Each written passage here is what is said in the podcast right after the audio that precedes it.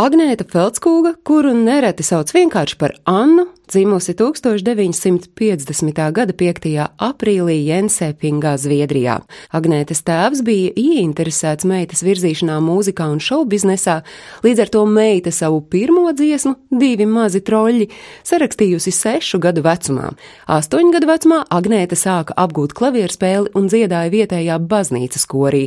Desmit gadu vecumā ar draudzenēm uzstājās nelielos vietējos pasākumos, bet šī trio darbība nebija ilgmūžīga. Draudzeņu blice izjuka, bet Agnēta pameta skolu un 15 gadu vecumā nolēma uzsākt solo karjeru. Karjeras sākumā Agnēta strādāja par telefonisti autofirmā, kā arī uzstājās ar vietējo deju mūzikas grupu, kas drīz kļuva populāra.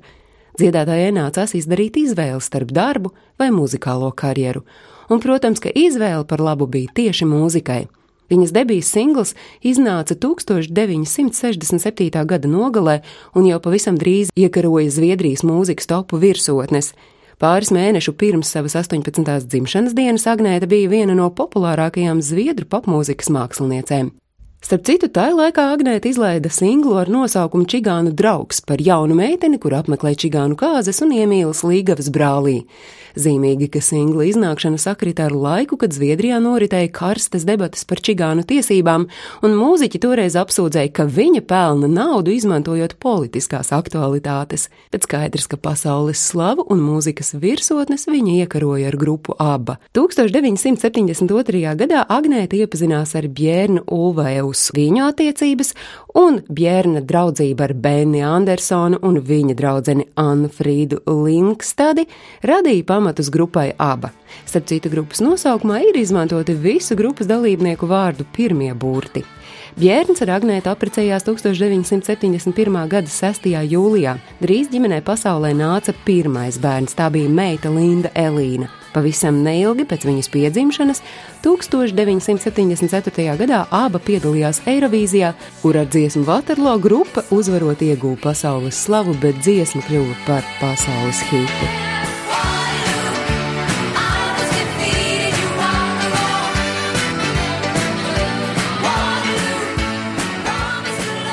1977. gada decembrī piedzima Agnētas un Bjērna otrais bērns, tas bija dēls Pēters Kristiāns, bet pēc diviem gadiem pāris iesniedz laulības šķiršanu. Abi vienojās, ka laulības beigas nedrīkst traucēt abas panākumiem, un starp citu tieši šķiršanās iedvesmojusi Bjērnu uzrakstīt vienu no abas lielākajiem hitiem - The Winner Takes It All.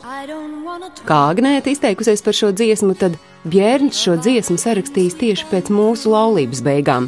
Šajā dziesmā es spēju ielikt tik daudz emociju, un tā arī ir vēstījums ne tikai par to, ko mēs izjutām šķiršanās laikā, bet arī to, ko tajā brīdī Benni un Frīda pārdzīvoja. Nothing more to say. No more race to play. Lai gan nebija nekāda oficiāla paziņojuma, aba izjuka laika posmā starp 1982. gada nogali un 83. gada sākumu. Agnēta savu karjeru turpināja kā solo māksliniece. Ar mainīgiem panākumiem bijusī aba dalībniece savu solo karjeru veidoja līdz 1989. gadam, izdodot vairākus albumus. Viņas pirmais solo albums pēc abu darbības beigšanas ieguva milzu popularitāti Skandināvijā, sasniedzot 1,2 miljonus pārdoto kopiju, bet tik un tā, aba panākumus solo māksliniecei neizdevās atkārtot. Iespējams, tāpēc mūziķa pārtrauca savu karjeru, apprecējās ar zviedru ķirurgu, no kura drīz vien izšķīrās. Muzikālās gaitas Agnēta atsāka 2004. gadā izdodot albumu, bet drīz pēc tam mūziķi kopā ar pārējiem bijušajiem abu dalībniekiem izveidoja nelielu video ar nosaukumu Our Last Video par godu 2004. gada Eirovīzijas konkursam, tādējādi atzīmējot 30 gadu kopš aba uzvarēja Eirovīzijas dziesmu konkursā.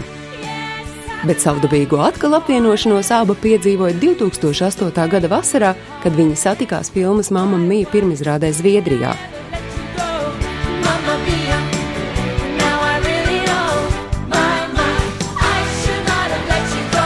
Stāstījumu sagatavoja Agnese Drunka.